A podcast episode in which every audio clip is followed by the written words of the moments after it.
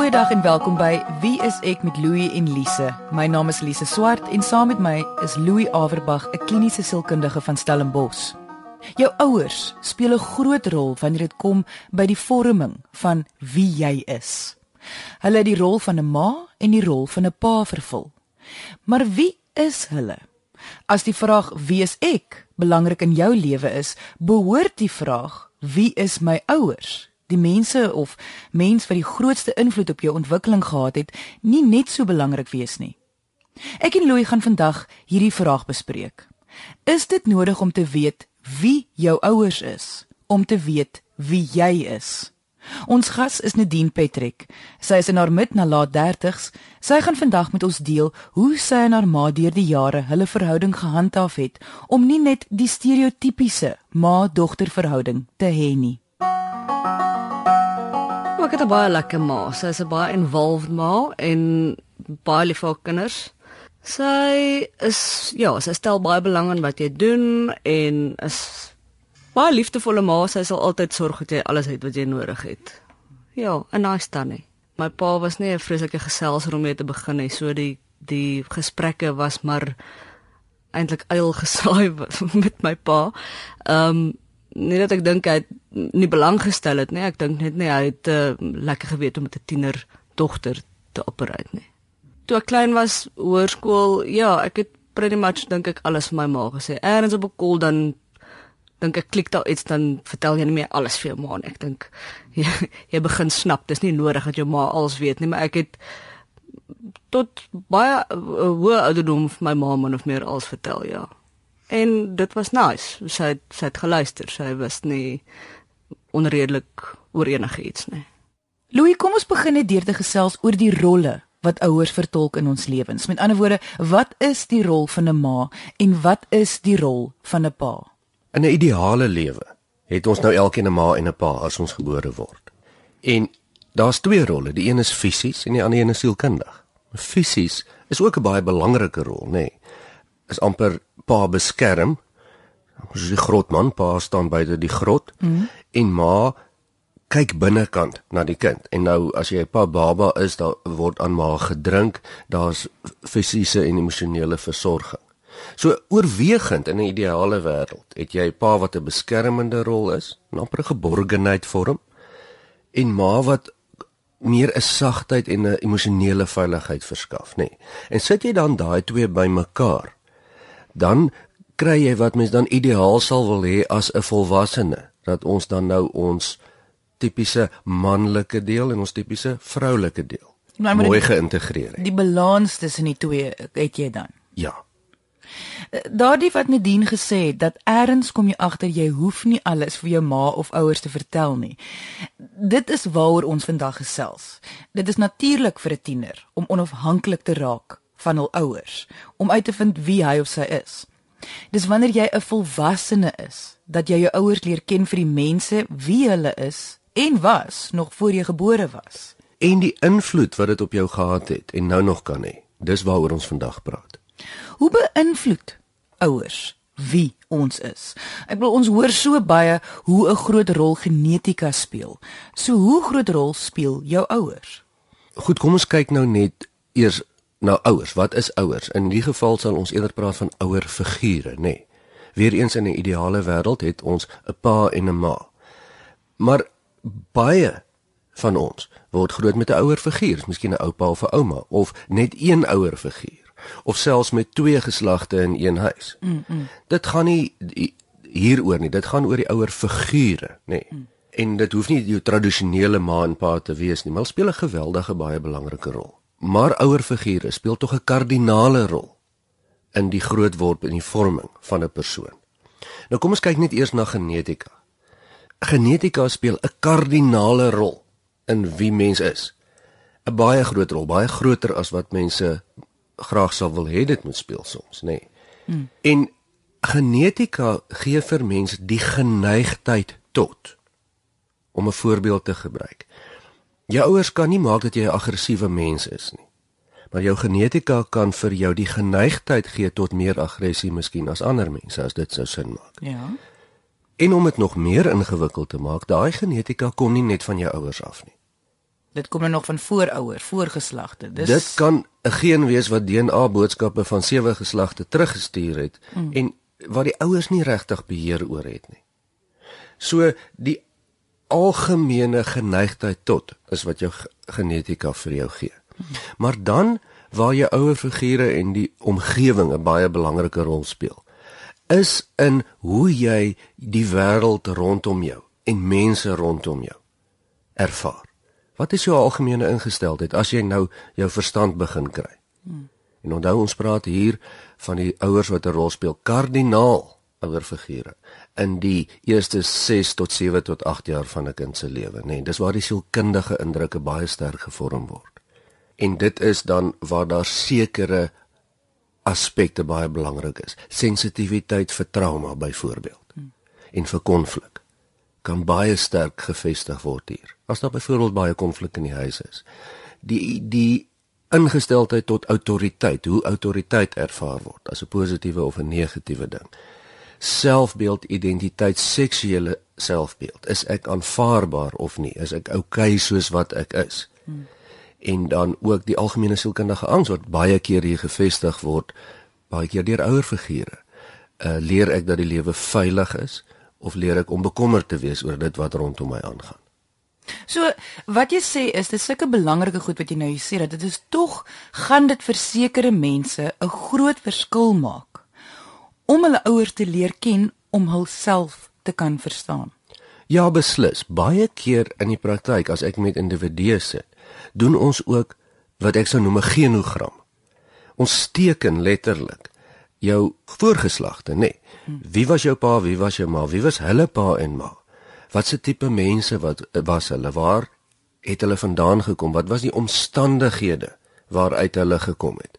En mens sien altyd 'n patroon deur die geslagte loop. Byvoorbeeld? Byvoorbeeld jy kan sê maar genade, ek is soos daai groot oupa gewees het. Hy was die kwaai ene. Hmm en uh, hy was met 'n vriendelike vrou getroud en hulle het vier kinders gehad en daar was die een kwaai enetjie weer van die kinders en dit was nou my pa gewees en vragtig ek het ook die kwaai streep. En mense kry baie waarde daaruit om hulle plek in 'n in 'n genetiese of 'n sielkundige omgewing te kan raak sien in die familie as 'n geheel. Dis reg.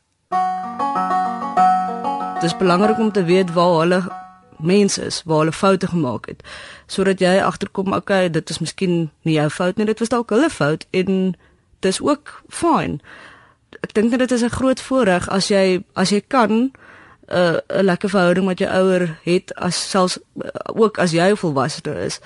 Uh is baie beter as om nie een te hê nie. Ek dink jou ma is immers jou ma Ehm um, daar's sekere goed wat jy met jou pelle doen wat ek nie noodwendig saam met my ma wil doen nie. Ehm um, daar's sekere goed wat met my ma deel wat ek nie noodwendig met my vriende wil deel nie. Mens kan seker sê dis dan net 'n ander vorm van 'n vriendskap en dit is seker so. Ehm um, ma-dogter vriendskap dis great, maar sy is nie my beste pel nie. Ek het beste pelle en dan ek 'n ma en ek wil nie my ma verruil of enigiets anders nie. Jy luister na Wie is ek met Louie en Lise op RSG 100 tot 104 FM. Is dit moontlik dat dit ook negatief kan wees om uit te vind wie jou ouers of ouer is? Is daar tog nie situasies waar kinders onder die illusie is dat hul ouers foutloos is nie? Kan dit hulle nie skade aandoen om objektief na hulle ouers se foute te kyk nie? Ek dink op 'n sekere stadium in 'n volwassene se lewe kan dit jou meer skade aandoen om dit nie te doen nie.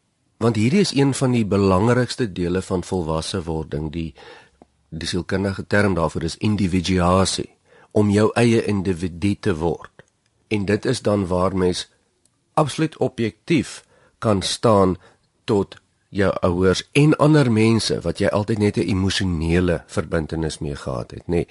Jy weet as mens 'n kind is, veral as jy 'n jong kind is, dan is jou ma of jou pa mos nie 'n mens nie. Hm. Hulle is mos net 'n ma of 'n pa. Ja, dit is net daai rol. Jy dink nie aan hulle as iemand met 'n naam met onafhanklike gedagtes, vrese, swakhede hm. en foute nie. Dis ma en pa. En as ons dan later in ons lewe volwasse raak, dan kyk ons terug en ons sien, "Haai, maar hulle was ook maar gewone mense gewees. Hulle het ook nie altyd alles tot hulle beskikking gehad nie." En dit is dan waar ons onsself wegvat van die verantwoordelikheid van ons ouers af en selfverantwoordelikheid neem vir wie ons is. Ja, eers op 'n kol kom jy mos agter dat jou ouers is nie invincible of hulle maak hulle maak foute. Ehm um, dan begin jy klik dat hulle is eintlik maar net 'n mens. Ook hulle is nie net jou ma nie, hulle is nie net perfek nie, hulle weet nie alles nie. Hulle maak foute en eventually as ek dink as jy dit agterkom dan uh, is daar 'n gradual verandering in die verhouding. Ehm um, as hulle mekaar as volwassenes if you can see eye to eye as volwassenes dan verander die verhouding definitief van ma na kind meer na 'n uh, ek sal nie sê 'n vriendin nie. Ek glo ma moet 'n ma bly. Maar ja, ek dink ek dink jy as jy op 'n volwasse level mekaar vind dan dan maak dit 'n reuse verskil. Kyk, ek dink natuurlik almal gaan nie 'n ongelooflike verhouding met hulle ouers hê nie en dit is baie jammer want ek dink dit is nogal belangrik of of ek dink dit gaan vir jou self baie beteken as jy jou ma en jou pa leer ken as mense en nie net die mense in 'n rol wat 'n rol moet vertolk nie want daardeur leer jy ongelooflik baie van jouself ken in baie gevalle het kinders die verkeerde idee oor hulle ouers, positief of negatief. Dis nou soos jy gesê het voor Nadine gepraat het dat uh, jy begin besef hoe jou ouers is ook mense met foute, maar dit bly tog 'n verkeerde idee. Ek dink nou aan sekere mense wat sukkel in hul verhoudings omdat hulle probeer streef na die perfekte verhouding soos wat hul ouers het. Terwyl ons almal weet daar bestaan nie so 'n perfekte verhouding nie. Almal moet werk in 'n verhouding en jy moet dit tog bestuur. Ek voel tog as die kinders dit wel geweet het dat dit lyk dalk soos die perfekte verhouding, maar ma en pa moes werk en bestuur aan hierdie verhouding. Sou dit tog ook 'n verskil gemaak het aan hoe hulle vandag 'n verhouding sien? Of as ek nou heeltemal verkeerd? Nee, dit maak baie sin. Kyk, die ding is op 'n sekere stadium stop die verantwoordelikheid van ouers en begin die individu se verantwoordelikheid. Nou maak nie saak al het jou ouers vir jou gepreek van kleins af oor hoe 'n verhouding behoort te wees en dit uitgeleef deur hulle voorbeeld ensovoorts ensovoorts. Op 'n sekere stadium is dit nodig vir jou om weg te staan en te sê maar luister, hierdie is net twee mense wat waarskynlik maar soos die meeste mense hulle beste probeer het met die beskikbare inligting wat hulle gehad het in daardie tyd. Hierdie is die ding waarmee mense geweldig sukkel. Is om los te maak van die invloede van die verlede. En nou moet ons besef, daar is ouers wat geweldige skade aan kinders doen. Hmm. Ek praat van afkraking, uh, uh, neerhalende maniere van grootword. Daar is ouers wat regtig doelbewus baie skade doen, nê. Nee. En dit het geweldige impak op volwassenes se lewe. Maar wanneer stop die verantwoordelikheid? En ek dink dit is die vraag hier. Ons kan nie ontken die impak nie. Maar op 'n stadium moet ons die verantwoordelikheid daarvoor vat en iets daarmee doen. Om dan word kom op neer, jy is nou maar wie jy is, maak nie saak hoe jy daar uitgekom het nie, jy moet verantwoordelikheid vat vir wie jy nou is. Ja. Ons bespreek vandag die vraag: Is dit nodig om te weet wie jou ouers is om te weet wie jy is? Indien jy die eerste helfte van ons program gemis het, kan jy na die pot gooi op RSG se webwerf gaan luister. Dis rsg.co.za en die sleutelwoord is wie is ek. Ons gas is Nadine Petrick. Sy is in haar laat 30's. Sy gaan vandag net met ons deel hoe sy en haar ma deur die jare hulle verhouding gehandhaaf het om nie net die stereotypiese ma-dogter verhouding te hê nie. Ja, ek dink toe ek die dag agterkom dat my ma uh, vervul nie net 'n rol as 'n ma nie. Sy is haar eie mens. Sy is 'n human being met haar eie behoeftes, haar eie drome, haar eie foute. Was dit seker ek dink toe my pa dood is. Ehm um, ja, toe my pa my pa was het 'n lang siekbed gehad en uh, ons is vier kinders en ek was die enigste een van die vier kinders wat naby was. So ek het gereeld daar gekom en uh, om albei ouers te sien waar hulle nogal vulnerable is was moeilik, maar dit het uh, my my en my ma se verhouding definitief versterk.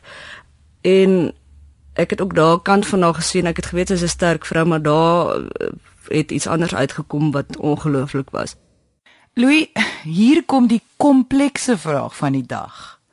Hoe leer jy jou ouers ken om die rolle van kind en ouer te verander na ek soveel uit jare? Ek bedoel dit kan tog nie so eenvoudig wees nie.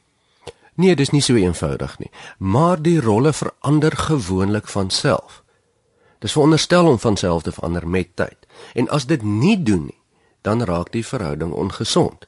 Met ander woorde, as die ouers te veel vasklou aan die ouer rol of jy as kind van die ouers klou te veel vas aan die kindrol.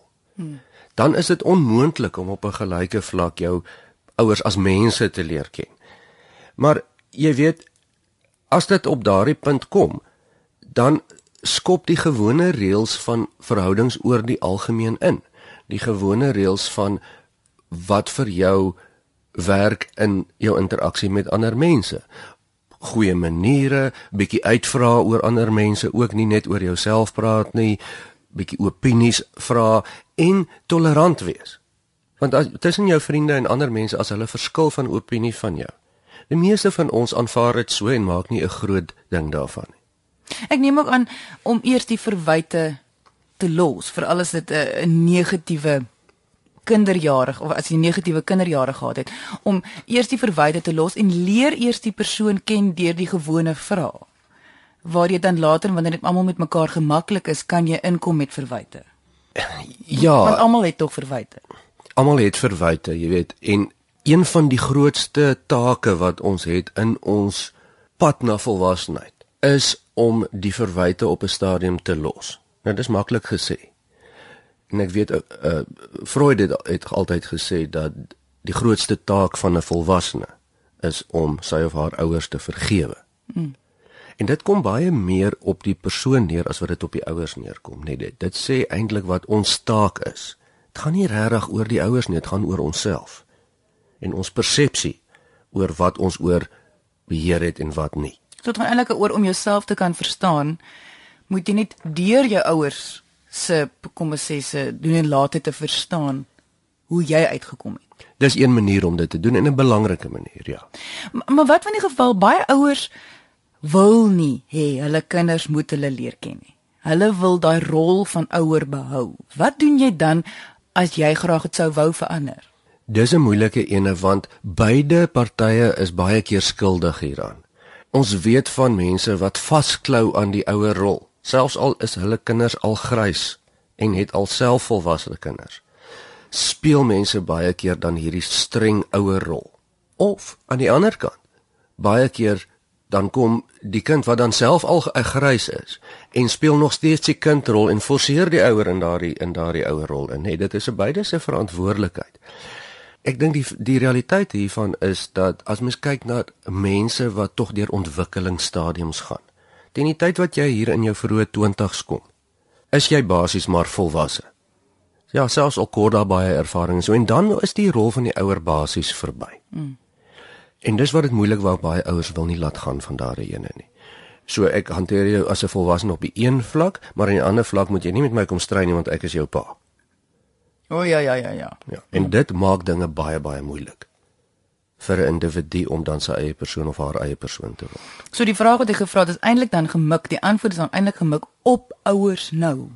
Wees bewus daarvan wanneer jou kind die vroeë 20er jare ingaan dat jy moet nou daai rol van ouer moet jy nou laat gaan. Die kind moet nou op hulle eie voete staan.